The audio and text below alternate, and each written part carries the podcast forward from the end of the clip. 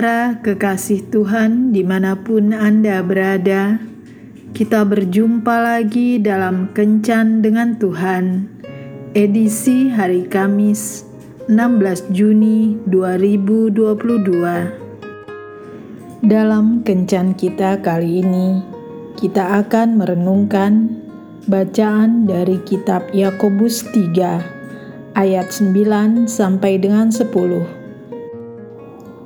dengan lidah kita memuji Tuhan, Bapa kita, dan dengan lidah kita mengutuk manusia yang diciptakan menurut rupa Allah. Dari mulut yang satu keluar berkat dan kutuk.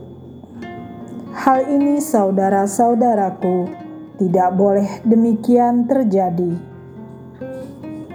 Bapak, ibu, dan saudara-saudara kekasih Tuhan ada seorang ilmuwan di Jepang melakukan sebuah penelitian.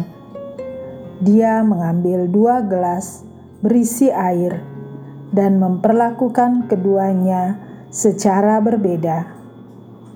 Gelas yang satu dicaci maki dengan berbagai sumpah serapah setiap harinya, sedangkan gelas yang lain dipuji-puji dan dinyanyikan lagu-lagu yang menyenangkan.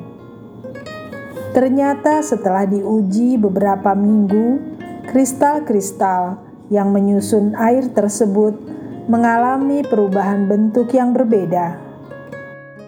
Gelas air yang dicaci maki, bentuk kristalnya menjadi tidak teratur dan jelek. Sementara gelas air yang dipuji-puji kristalnya membentuk sangat indah. Mungkin setelah membaca cerita di atas, banyak di antara kita berpikir hal ini adalah cerita fiktif belaka, atau cerita ini hanya terjadi pada zat cair. Tetapi sadarkah kita bahwa tubuh kita mengandung 70% air? Jadi, jika kita mengeluarkan kata-kata yang buruk dan negatif, maka cairan yang ada di dalam tubuh kita mungkin akan berubah bentuk menjadi jelek tidak karuan. Itulah sebabnya mengapa orang yang sedang marah pasti tidak akan merasa nyaman. Namun sebaliknya, jika kita mengeluarkan kata-kata yang baik dan positif, maka cairan yang ada di dalam tubuh kita akan berubah bentuk menjadi kristal yang indah. Itulah sebabnya, saat kita sedang tertawa gembira dan bersuka cita, hati kita akan merasa nyaman. Memang, apa yang kita katakan akan sangat mempengaruhi hidup kita. Kita harus berhati-hati dengan mulut kita karena setiap perkataan yang keluar akan menentukan masa depan kita. Hidup dan mati dikuasai lidah. Siapa suka menggemakannya akan memakan buahnya. Amsal 18 ayat 21 Kita juga harus ingat bahwa kita adalah anak-anak Allah. Oleh karena itu, setiap perkataan yang keluar dari mulut kita haruslah perkataan yang membangun dan positif. Efesus 4 ayat 29 berkata, Janganlah ada perkataan kotor keluar dari mulutmu, tetapi pakailah perkataan yang baik untuk membangun di mana perlu, supaya mereka yang mendengarnya beroleh kasih karunia.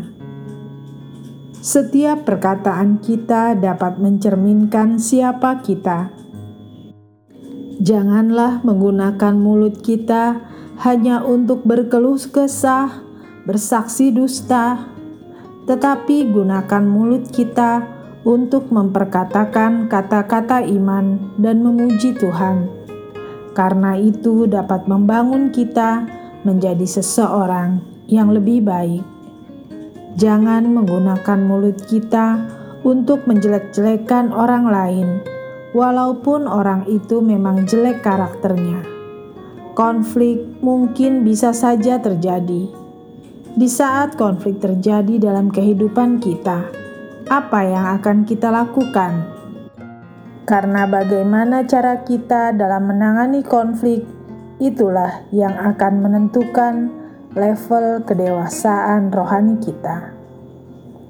Mari kita belajar lebih lagi untuk berkata-kata positif, memperkatakan firman Tuhan, dan memperkatakan hal-hal yang baik, supaya kehidupan kita dan sekitar kita menjadi indah, bagaikan kristal yang menawan hati.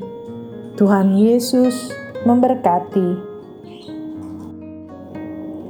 Marilah kita berdoa.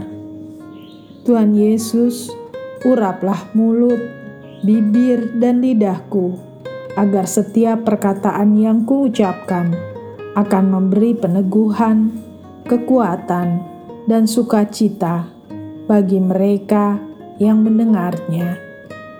Amin.